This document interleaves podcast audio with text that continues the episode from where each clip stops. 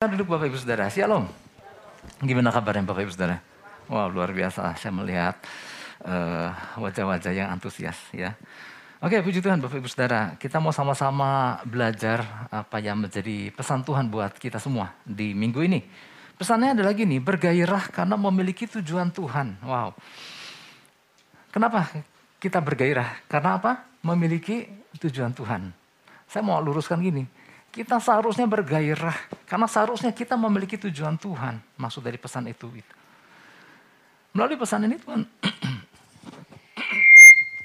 Tuhan sedang menyatakan gini Bapak Ibu Saudara, bahwa nggak sedikit orang percaya hari-hari ini sedang menjalani kehidupan yang biasa. Apa yang dimaksud menjalani kehidupan yang biasa? Karena memang menjalani kehidupan yang semua serba biasa. Hal yang biasa, aktivitas biasa, iring Tuhan juga biasa-biasa sehingga hidupnya biasa. Ya saya mau kasih uh, sampaikan latar belakang apa yang kenapa pesan ini Tuhan berikan. Ada orang-orang yang orang-orang percaya menjalani hidup uh, rutin karena sehari-harinya memang melakukan hal yang sama, hal yang rutin. Bekerja, bekerja hal yang sama, berusaha, berusaha dengan urusan yang sama, iring Tuhan, uh, merasa biasa-biasa hal yang rutin. Akhirnya memiliki kehidupan yang rutin. Ada juga orang-orang percaya yang hari-hari ini berjalan karena memiliki uh, berjalan dengan kehidupan yang hampa, kehidupan yang kosong. Nggak ada ledakan-ledakan yang menarik, nggak ada hal-hal yang harus dikejar dan harus dicapai. Hampa. Nggak tahu mesti ke mana sih pak, nggak tahu mesti ngapain pak. Kayaknya hidup bosannya. Nah ada orang-orang yang menjalani kehidupan yang seperti itu. Dan ada orang-orang percaya yang hari-hari ini menjalani kehidupan yang melelahkan. Pagi lelah apa saya berhadapan dengan orang yang nggak pernah mau berubah. Saya berhadapan dengan masalah yang nggak pernah selesai. Hidup sehingga hidup menjadi lelah.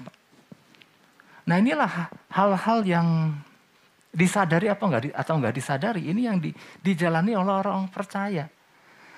Hidup kayaknya membosankan sekali. Hidup nggak bergairah. Akhirnya setiap orang kalau ditanya apa makna hidup, akhirnya masing-masing memiliki makna-makna hidup yang berbeda satu dengan yang lain. Tergantung aktivitasnya, tergantung kondisi yang dihadapi. Kalau kepada seorang pelajar ditanya apa makna hidup buat kamu? Belajar om, terus setiap hari belajar. Apalagi belum tatap muka beberapa waktu yang lalu kan. Di depan komputer terus tuh bosan belajar mulu. Makna hidupnya adalah belajar terus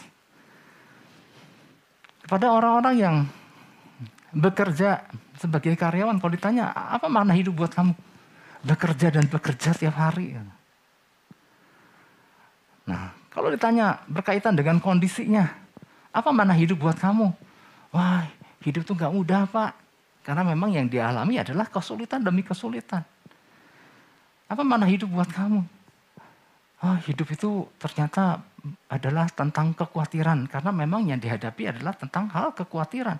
Sehingga pada setiap orang masing-masing kalau ditanya memiliki makna hidup yang berbeda tergantung apa yang dihadapi, yang di, apa yang dia alami. Ya kalau saya tanya kepada Bapak Ibu Saudara satu persatu, jangan-jangan memiliki makna hidup yang masing-masing berbeda tergantung kondisi yang dihadapi. Tapi kita pengen tahu apa makna hidup menurut Alkitab. Ternyata menurut Alkitab Bapak Ibu Saudara, di sini dikatakan Tuhan melalui Rasul Paulus mengatakan bahwa hidup adalah sebuah pertandingan. Wow. Kalau semua orang menangkap bahwa hidup adalah pertandingan, hidup menjadi begitu bergairah, hidup menjadi begitu berarti, hidup memiliki tujuan yang pasti. Nah ini yang yang Tuhan sampaikan buat setiap kita. Saya Bapak Ibu dan Saudara. Oleh sebab itu mari saya mau ajak kita buka ayatnya dulu. 1 Korintus 9 ayat 24 sampai 27 ya. Penekanannya memang di ayat 26 ini. Tetapi mari kita baca bergantian mulai dari ayat 24, 25, 26, 27. Oke, saya 24 dulu ya. Oke. Ayat 24 adalah bilang begini. Tidak tahukah kamu bahwa dalam gelanggang pertandingan semua peserta turut berlari. Tetapi bahwa hanya satu orang saja yang mendapat hadiah. Karena itu larilah begitu rupa sehingga kamu memperolehnya. Ya, silakan Bapak Saudara. Setiap orang yang turut mengambil bagian dalam pertandingan menguasai dirinya dalam segala hal. Mereka berbuat demikian untuk memperoleh suatu mahkota yang fana, tapi kita untuk memperoleh suatu mahkota yang abadi. Nah, saya Sebab itu aku tidak berlari tanpa tujuan dan aku bukan petinju yang sembarangan saja memukul. Silahkan Bapak Ibu. Tapi aku melatih tubuhku dan menguasainya seluruhnya. Supaya sesudah memberitakan Injil kepada orang lain, jangan aku sendiri ditolak. Nah ini loh Bapak Ibu Saudara. Jadi Rasul Paulus melalui suratnya ini sedang memberikan sebuah pengertian kepada jemaat Tuhan di Korintus tentang tujuan hidup orang percaya di bumi. Nah untuk menjelaskan, untuk memudahkan penjelasan Rasul Paulus apa tentang makna yang dia mau sampaikan, maka Rasul Paulus menggunakan sebuah analogi tentang atlet, tentang olahraga yang sedang uh, tentang atlet-atlet yang sedang mengikuti perlombaan. Perlombaan. Nah, dua cabang yang sangat dikenal pada waktu itu adalah lari dan tinju gitu ya. Yang pada waktu itu adalah uh, yang yang orang paham. Memang gini Bapak Ibu Saudara kenapa dalam surat-surat Rasul Paulus ada banyak istilah-istilah olahraga yang dicantum? Memang bukan selalu tentang uh, lari dan tinju aja. Kadang-kadang pada waktu dia menjelaskan tentang latihlah dirimu beribadah, kata berlatihlah. Waktu itu kita pernah ya, dengarnya di dalam doa pagi bahwa kata latihlah adalah gumnase, yang di mana adalah akar kata daripada gimnastik. Jadi kenapa Rasul Paulus banyak menggunakan istilah-istilah olahraga? Karena pada waktu itu, di masa itu, Yunani erat sekali dengan yang namanya pertandingan olahraga. Bahkan Olimpiade lahir di Athena, Yunani. Jadi wilayah-wilayah kota-kota di luar Yunani pun, daerah-daerah di luar sana pun yang nggak terlalu jauh, mereka sangat mengenal apa yang namanya kehidupan olahraga. Ada begitu banyak pertandingan-pertandingan olahraga diadakan pada waktu itu dengan baik skala kecil maupun skala dunia.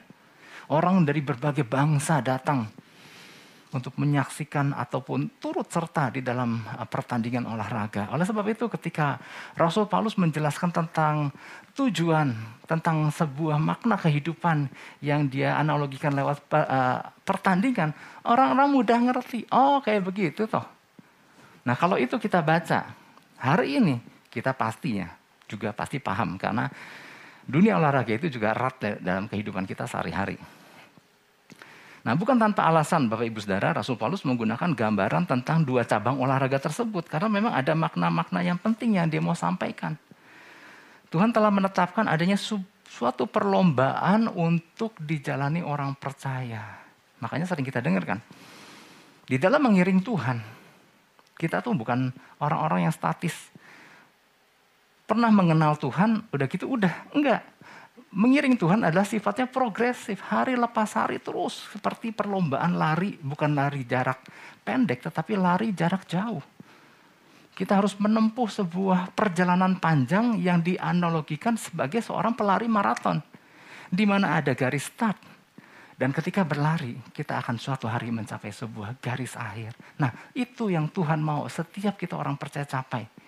Makanya penjelasan tentang pertandingan olahraga ini uh, membuat kita lebih mengerti sebuah uh, perjalanan yang harus kita tempuh. Itulah sebabnya kita harus menjadi orang-orang percaya yang tahu dengan pasti bagaimana hidup dalam sebuah tujuan yang benar.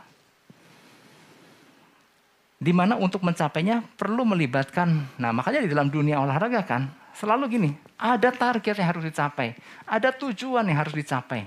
Seorang pelari jarak jauh, Meskipun jaraknya mungkin jauh, tetapi ada tujuan akhirnya. Ada garis akhir yang akan harus yang harus dicapai, di mana hadiah sudah menanti. Nah, untuk mencapai garis akhir itu, di situ tentunya melibatkan yang namanya ketaatan. Melibatkan yang namanya kedisiplinan. Melibatkan yang namanya daya tahan, endurance. Atau melibatkan yang namanya pantang menyerah, persistence. Demi untuk tercapainya tujuan. Nah, melalui pesannya ini Tuhan mau setiap kita menangkap itu. Eh, kita lagi menjalankan sebuah pertandingan, sebuah perlombaan yang harus kita selesaikan. Kadang-kadang gini Bapak Ibu Saudara, kalau nggak diingetin ya kita bersyukur ya Tuhan kasih pesan ini. Kadang-kadang kalau nggak diingetin kita lupa bahwa kita punya Tuhan punya tujuan dalam hidup kita untuk kita capai. Tapi lewat biarlah lewat pesannya ini kita diingatkan ya. Nah semua atlet ya, lari yang terjun ke dalam sebuah perlombaan tentunya memiliki satu tujuan yang sama yaitu mencapai garis akhir dan memperoleh hadiah. Inilah gambaran bahwa gini Bapak Ibu Saudara, suatu hari ketika Yesus datang menjemput kita di awan-awan yang permai. Di dalam doa berkat kan kita menantikan kedatangan Tuhan datang kembali kali yang kedua menjemput kita di awan-awan yang permai. Apa sih yang terjadi? Ada yang bertanya, apa yang terjadi di awan-awan yang permai? Di awan yang permai itu ketika Yesus datang, bagi-bagi hadiah di situ. Bagi-bagi mahkota. Bagi-bagi pahala di situ.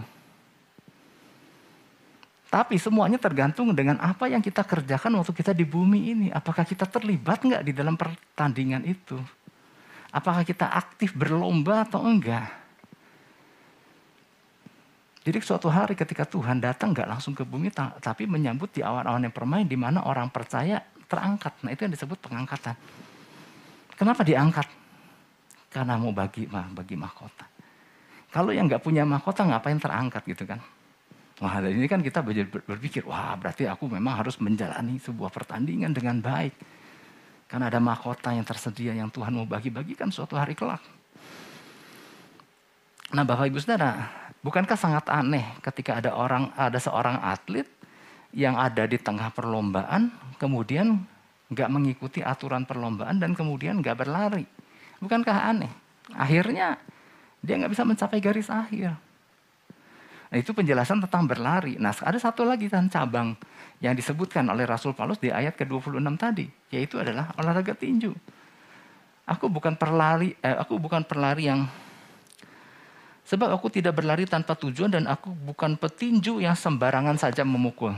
Bukan petinju yang sembarangan memukul. Nah ini lagi-lagi istilah tinju ini ya. Jadi yang dimaksud sembarangan memukul, kata sembarangan adalah di dalam bahasa aslinya adalah R. Memang mirip bahasa Inggris ya, R ya, artinya udara. Aku bukan petinju yang sembarangan mukul di udara. Atau diterjemahkan juga, aku bukan petinju yang memukul bayangan. Saya dulu kayaknya udah lama sekali ya pernah menjelaskan hal ini. Jadi gini, ada ada ada istilah shadow boxing di dalam dunia tinju ya. Itu kalau mereka lagi latihan. Kan latihan gak selalu pakai sparring partner kan. Kadang-kadang ber, bertinju uh, melawan bayangannya gitu. Tapi itu untuk latihan. Tetapi pada waktu bertanding, kalau yang dipukul ada bayangan, yang dipukul adalah udara. Maka apa yang terjadi? Maka dia nggak akan pernah menang. Intinya adalah bukan soal pukul memukul, jangan salah paham Pak, berarti saya boleh berantem. Bukan bukan begitu. Intinya adalah gini, kalau yang dipukul adalah angin, kita cuma buang energi. Habis tenaga, habis energi, kemudian nggak ada target, eh, nggak nggak ada pencapaian. Berapa banyak orang menjalani kehidupan terus akhirnya buang energi, nggak tahu tujuannya, tapi tiba-tiba capek pak hidup. Nah itu yang dikatakan petinju yang sembarangan memukul. Banyak energi yang dikeluarkan, tapi nggak ada hasil. Nah kita tentunya juga nggak mau menjalani kehidupan yang seperti itu. Akhirnya berapa banyak orang akhirnya kelelahan. Hidup tuh menjemu, menjembukan pak, hidup tuh lelah. Tapi sambil orang itu nggak ada kemajuan apa-apa juga gitu. Kenapa? Nah ini contoh. Seorang petinju yang sembarangan memukul. Bertinju memukul bayang itu capek. Seorang petinju berkata bahwa lebih baik kena target daripada kosong. Karena kan kosong adalah betapa energi begitu banyak tersalurkan tapi nggak terjadi apa-apa. Nah ini jadi pesan Tuhan. Tuhan sedang menekankan makna hidup orang percaya yang memiliki tujuan Tuhan di dalamnya. Jadi pesan yang Tuhan berikan buat kita adalah pentingnya orang percaya menangkap kembali tentang tujuan Tuhan di dalam hidupnya. Ketika seorang percaya menangkap tujuan Tuhan dan berlari untuk meraihnya, mencapainya, maka hidup menjadi begitu bergairah. Tuhan sedang menekankan makna hidup orang percaya memiliki tujuan Tuhan di dalamnya, bukan hidup yang sekedar dijalani. Kan orang bisa aja menjalani hidup yang sekedar dijalani. Ke mana? Ah nggak tahu, sekedar jalan. Jalannya aja gini gitu. Tapi ada orang yang punya tujuan. Wah, aku harus uh, berlari ke arah sana. Karena di situ ada sesuatu yang harus dicapai. Ada orang-orang percaya yang senang pakai istilah mengalir ya. Saya sering jelaskan ya istilah mengalir. Istilah mengalir seolah-olah kayak kayak agak rohani ya. Ke mana? Mengalir aja lah gitu ya. Sebetulnya gini Bapak Ibu Saudara. Istilah ilah ini sebetulnya kurang tepat istilah mengalir. Karena menunjukkan bahwa sebetulnya orang-orang yang bersangkutan gak punya tujuan ngalir aja dah ke mana aku dibawa. Ke mana senyampainya aku. Nah ini jelas bahwa orang yang bilang selalu bilang mengalir aja, mengalir aja, artinya memang dia nggak punya tujuan. Orang yang punya tujuan nggak nggak membiarkan dirinya mengalir. tapi dia mengejar tujuan yang Tuhan telah tetapkan buat dia. Nah tujuan Tuhan pentingnya kenapa orang percaya perlu memiliki tujuan Tuhan. Karena tujuan Tuhan membuat orang percaya bergerak untuk meraihnya. Karena ada tujuan. Coba bayangin hidup nggak punya tujuan. Apa yang kita mau kejar? Tujuan membuat kita, oh ada sesuatu ya yang harus aku raih. Maka mulailah bergerak ke arah yang dimaksud. Tujuan Tuhan membuat seorang percaya akan memfokuskan pandangan matanya. Kenapa orang bisa fokus? Karena ada tujuan. Hari-hari ini dunia menawarkan begitu banyak tawaran-tawaran yang menarik. Di Korintus pada waktu itu, kenapa Rasul Paulus berkata, pentingnya memiliki tujuan dan berlari orang percaya begitu rupa. Karena di Korintus adalah sebuah kota metropolitan yang begitu banyak tawaran yang luar biasa.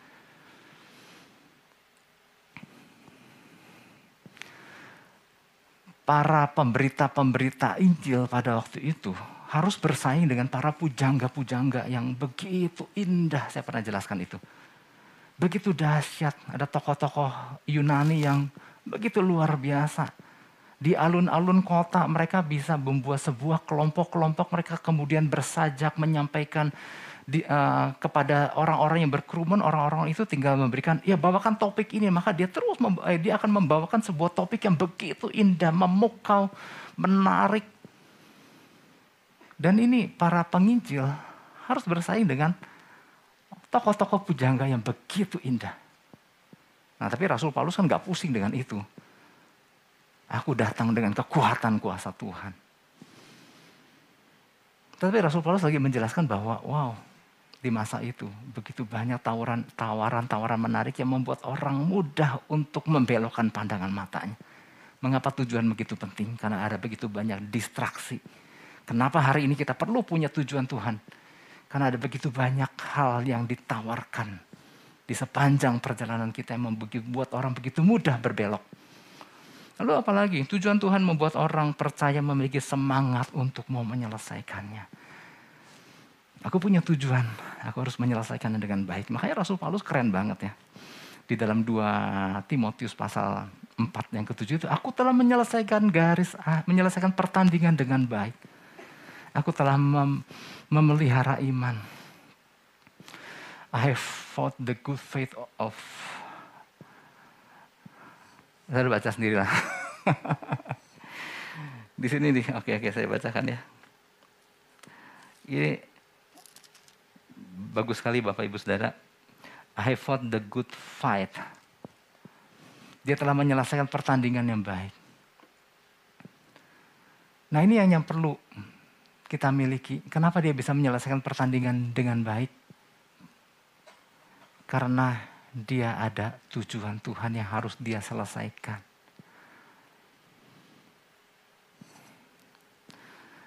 Nah kita bersyukur Bapak Ibu Saudara. Kalau buat gereja ini Tuhan memberikan sebuah visi, sebuah tujuan. Minimal ada sesuatu yang harus kita capai. Tapi buat diri pribadi kita, Bapak Ibu Saudara juga harus bangun hubungan dengan Tuhan untuk tanya, kalau aku pribadi apa Tuhan? Ya. Bahkan ke dalam sebuah pernikahan pun harus punya tujuan.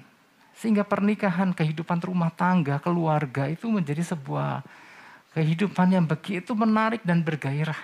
Ya.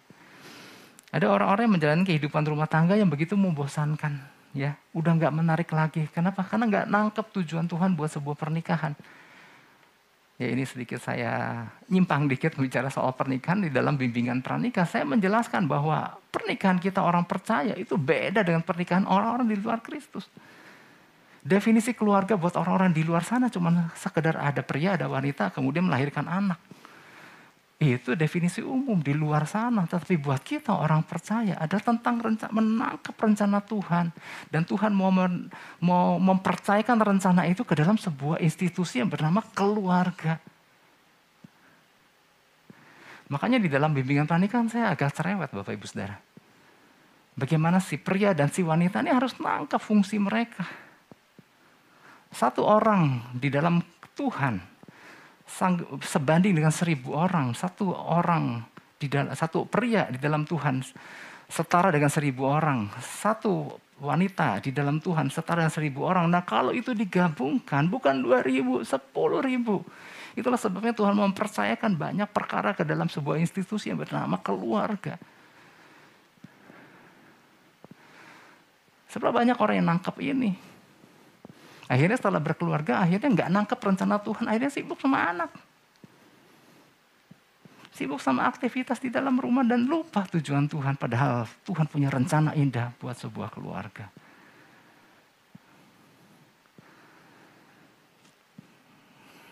Wow, jadi ngomong ke mana-mana ya. Oke Bapak Ibu Saudara, oleh sebab itu beberapa hal yang perlu dipahami oleh yang percaya agar menjalani hidup yang memiliki tujuan Tuhan dan menyelesaikan sampai ke garis akhir dengan baik. Ya, di antaranya adalah, mungkin saya cuma satu poin aja hari ini. Yang pertama adalah tangkap baik-baik tujuan Tuhan dan mulai hidupi.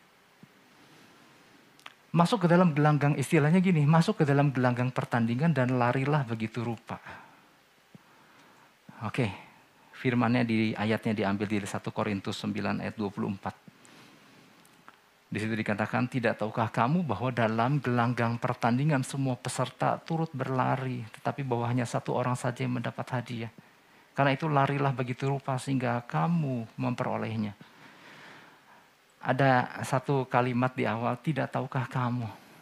Bapak Ibu Saudara, Sebetulnya perkataan tidak tahukah kamu bahwa dalam gelanggang pertandingan semua peserta turut berlari. Jadi gini, masa sih kamu nggak tahu arti daripada tidak tahukah kamu? Kamu mestinya tahu bahwa dalam gelanggang pertandingan semua peserta turut berlari. Di dalam kita mengiring Tuhan, kita dibawa masuk ke sebuah arena pertandingan. Di mana semua peserta, saya, bapak, ibu, saudara, tua, muda, besar, kecil, harus tangkap itu. Kita adalah atlet-atlet lari yang siap untuk berlari. Dan semua udah tahu.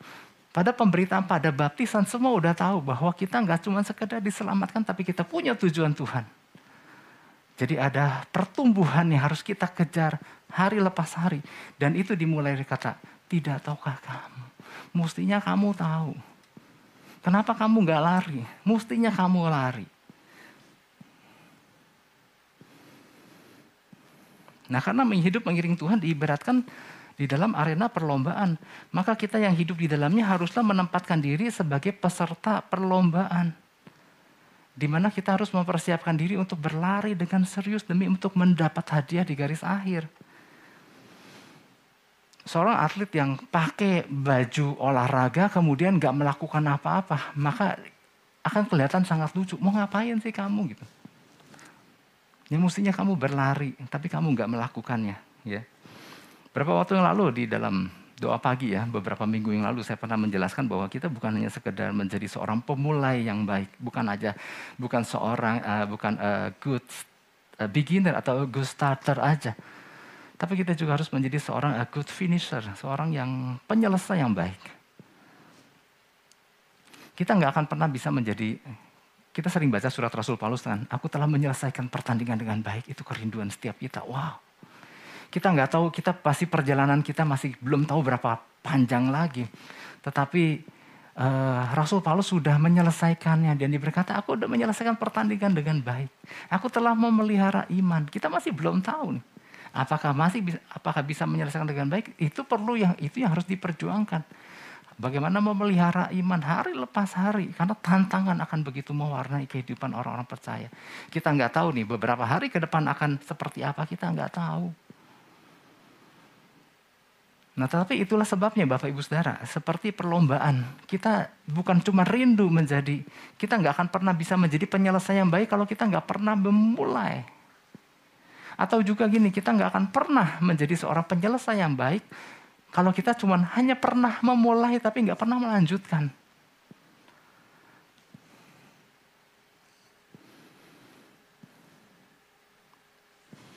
Kadang-kadang gini Bapak Ibu Saudara, oke kita start, aku start, udah Pak, aku mulai berlari. Tetapi sering kali begini, sering kali per, di dalam pertandingan Banyak orang yang berhenti di jalan. Oke gini Bapak Ibu Saudara, supaya nggak bertanya-tanya apa yang dimaksud dengan berlari dalam perlombaan seperti yang dimaksud Tuhan. Adalah pada waktu kita sebagai orang percaya. Bukan cuma status aja. Aku tiap hari melakukan perlombaan kok. Ya, kadang-kadang kita merasa kita sedang melakukan perlombaan. Karena kita tahu status kita adalah anak Tuhan gitu. Tetapi yang, di, yang dimaksud adalah apakah kita berlari dalam perlombaan adalah gini, apakah kita berfungsi sebagai representasi kerajaan surga, bukan cuma status saja. Pada waktu Rasul Paulus menjelaskan tentang makna pertandingan di 1 Korintus pasal yang ke-9, dia lagi menjelaskan bahwa dirinya menangkap sebagai alat Tuhan di mana dia harus memberitakan Injil Tuhan. Makanya ada begitu banyak kan istilah-istilah yang digunakan oleh Rasul Paulus. Bagiku hidup adalah Kristus dan mati adalah keuntungan. Jadi buat Rasul Paulus hidup adalah untuk memuliakan Tuhan.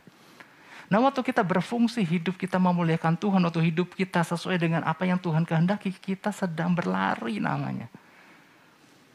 Makanya kalau kita perhatikan kan Rasul Paulus di dalam menjelaskan dirinya, dia menangkap panggilan Tuhan. Dia menangkap, dia menjalani sambil terus terhubung dengan Tuhan. Itu yang dikatakan sedang berlari.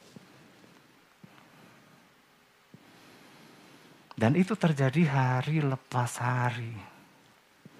Jadi jelas ya apa yang dimaksud dengan berlari. Nah sering kali orang percaya terjebak dalam kondisi yang membuat ia tidak melakukan fungsinya secara optimal. Kadang-kadang pertandingan yang dia lakukan, kadang-kadang dia nggak juga nggak sadar, oh iya udah berhenti ya. Apa yang membuat sering kali bisa berhenti? Kadang-kadang gini, kondisi problema yang dihadapi, kondisi keluarga yang masih terus diperjuangkan. Ada orang yang seperti itu. Pekerjaan yang masih dia perjuangkan, masalah pribadi, belum pandemi, belum sekarang yang mulai ada menunjukkan kenaikan hari lepas hari. Di Jakarta udah naik PPKM level 3 katanya. Nah kadang-kadang hal itu yang membuat berlarinya seseorang tanpa dia sadari juga berhenti. Kenapa? Sama situasi. Karena kondisi yang dihadapi. Bahkan pergaulan bisa membuat berlarinya seseorang percaya menjadi berhenti. Pergaulan yang salah maksudnya. Nah sering kali hal-hal itu menjadi faktor yang membuat kita tidak menyadari bahwa ada fungsi dan tujuan Tuhan yang harus kita tangkap dan hidupi dan kemudian nggak dilakukan lagi. Karena faktor-faktor tadi. Ya. Nah percayalah pada waktu, padahal gini, padahal gini Bapak Ibu Saudara. Ya habis gimana apakah tantangan dan masalah ada. Nah saya mau sampaikan gini.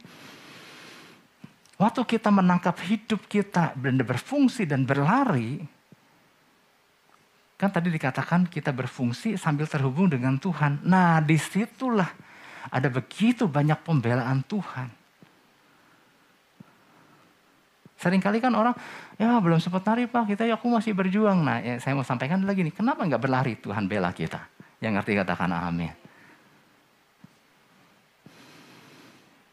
Di jalan, dalam perjalanan hidup saya bersama keluarga, apakah nggak ada tantangan-tantangan banyak pak?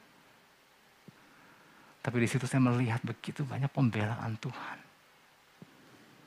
Ketika fokusnya difokuskan kepada apa yang menjadi tujuan Tuhan dalam hidup kita, hidup kami. Bukannya tanpa tantangan. Kalau dilihat tampang, makanya tampang nggak punya tantangan gitu ya. Tetapi tantangan ada mewarnai Bapak Ibu. Nah ada yang menarik, seorang hamba Tuhan bernama Tony Evans, Dr. Tony Evans. Kita mungkin pernah mendengar ya, seorang hamba Tuhan kulit hitam di Amerika. Dalam tulisannya, di dalam tulisannya yang berjudul Are you living on purpose? Apakah kamu hidup dengan tujuan Tuhan? Maksudnya are you living on God's purpose? Di situ dia katakan bahwa orang percaya yang kehilangan tujuan Tuhan akan menjalani kehidupan yang salah di dalam banyak hal. Jadi orang yang nggak punya tujuan Tuhan karena lebih memfokuskan diri pada hal-hal yang lain, ternyata di sini dikatakan akan menjadi kehidupan yang banyak salah di dalam banyak hal. Tapi sebaliknya orang yang nangkap tujuan Tuhan, tantangan boleh datang tapi cara Tuhan di dalam menyelesaikannya itu luar biasa. Nah dia dia menulis memberikan sebuah kisah yang menarik Bapak Ibu saya. Ada seorang ada seorang yang memeriksakan penyakitnya ke dokter dia bilang, dokter tanya, sakitnya di mana? Dia bilang, seluruh tubuh saya sakit. Yang mana kata dokter? Dia menunjukkan kepalanya nih, kalau saya pegang kepala saya, kepala saya sakit. Kalau saya pegang pundak saya, pundak saya sakit. Kalau pegang saya pegang dahi, saya dahi saya sakit. Kalau saya pegang perut, perut saya sakit. Kalau saya pegang uh, kaki saya, terasa sakit. Apa pun yang saya pegang, semua terasa sakit katanya. Wah dokter bilang, sakit apa kalau gitu? Semua yang dia pegang sakit katanya. Ternyata tahu nggak Bapak Ibu Saudara, sakitnya di mana? Ternyata sakitnya di jari-jarinya. Ada jari yang retak, di mana setiap apa pun yang dia sentuh, dia merasakan kesakitan. Yang sakit adalah ininya, bukan badannya. Nah maksudnya apa Bapak Ibu Saudara? Kita mungkin menertawakan ya kekonyolan apa yang terjadi sama pasien tadi. Tetapi ternyata gini, banyak dari kita yang melakukan hal yang sama. Hanya dengan cara yang berbeda. Maksudnya gini, banyak dari kita yang merasa segala sesuatu hidup kita salah. Ah, oh, hidup salah. Kita menyalahkan ini, menyalahkan itu karena hidupku gak ini. Padahal gini, yang salah adalah gini. Cuma satu hal, nggak punya tujuan Tuhan. Ketika seorang hidup gak punya tujuan Tuhan, segala sesuatu seperti menjadi salah. Segala sesuatu menjadi seperti sakit. Nah yang dia sampaikan, kenapa gak tangkap tujuan Tuhan? Dan di situ kesembuhan demi kesembuhan akan Tuhan lakukan dengan cara Tuhan yang ajaib. Wah ini keren banget. Nah tapi pertanyaan Pak, gimana Pak mendapatkan tujuan Tuhan? Nah dokter Tony Evans ini berkata, gak ada cara lain. Ketika engkau menjalin kedekatan dengan Tuhan, jadi tujuan Tuhan itu nggak bisa dicari. Tujuan Tuhan hanya terjadi ketika kita datang kepada Tuhan. Dan kita spend waktu dengan Tuhan. Di situlah kita menangkap tujuan Tuhan. Jadi ada istilah gini, kita harus alami Tuhan, baru kita ngalami tujuan Tuhan. Di sini ada istilah gini, experience God, then you will experience the purpose of your life. Jadi tujuan hidup kita akan, baru akan tercapai waktu kita mengalami sebuah perjalanan bersama Tuhan.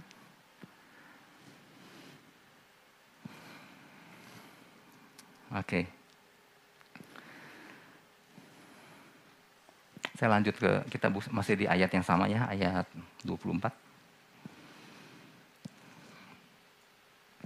Tadi saya lagi menjelaskan tidak tahukah kamu bahwa dalam gelanggang pertandingan semua peserta berlari ya. Di situ ada penjelasan tidak tahukah kamu. Must artinya gini, mustinya kamu tahu. Oke, sekarang saya mau jelas gini. Karena itu larilah begitu rupa.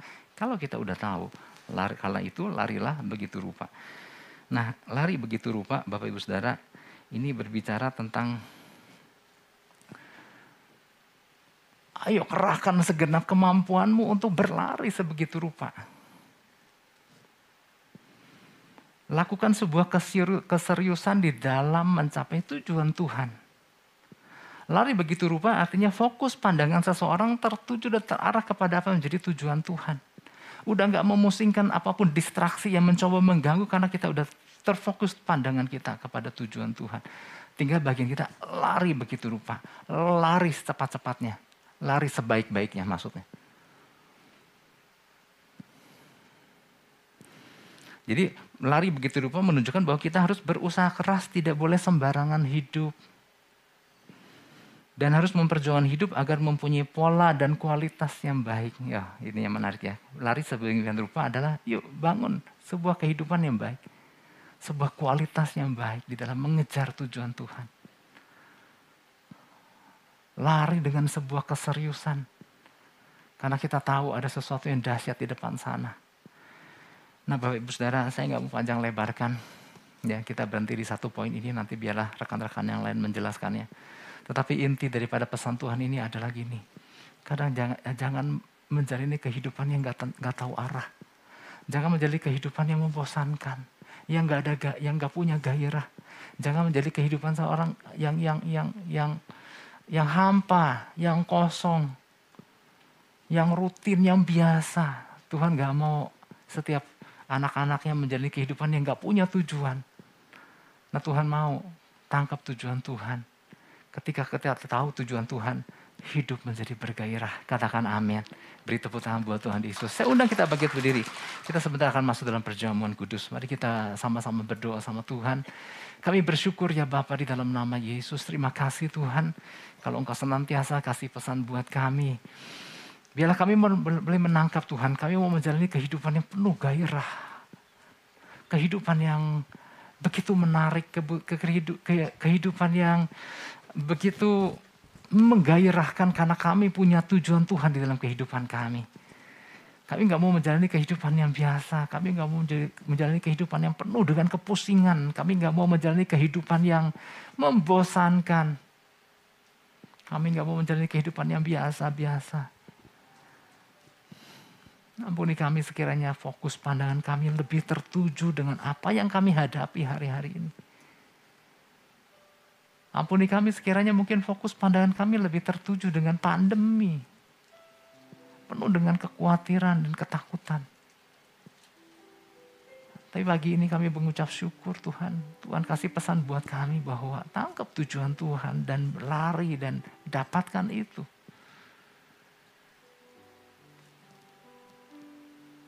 Ketika kami berfokus sama tujuan Tuhan, maka Tuhan campur tangan di sepanjang perjalanan kami pada waktu kami meraihnya. Kami mengucap syukur untuk janji yang kau berikan buat kami Tuhan. Biarlah setiap kami juga boleh menangkap tujuan keberadaan rumah tangga demi rumah tangga. Bukan cuma sekedar membesarkan semata-mata anak demi anak. Tetapi menangkap tujuan Tuhan. Karena banyak hal yang Tuhan mau percayakan di dalam sebuah institusi yang bernama keluarga.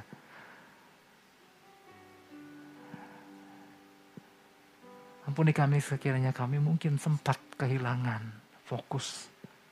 Tapi biarlah pagi ini kami diingatkan kembali. Terima kasih Bapak. Kami mengucap syukur di dalam nama Yesus. Sama-sama kita katakan. Amin. Bapak Ibu Saudara kita sebentar masuk.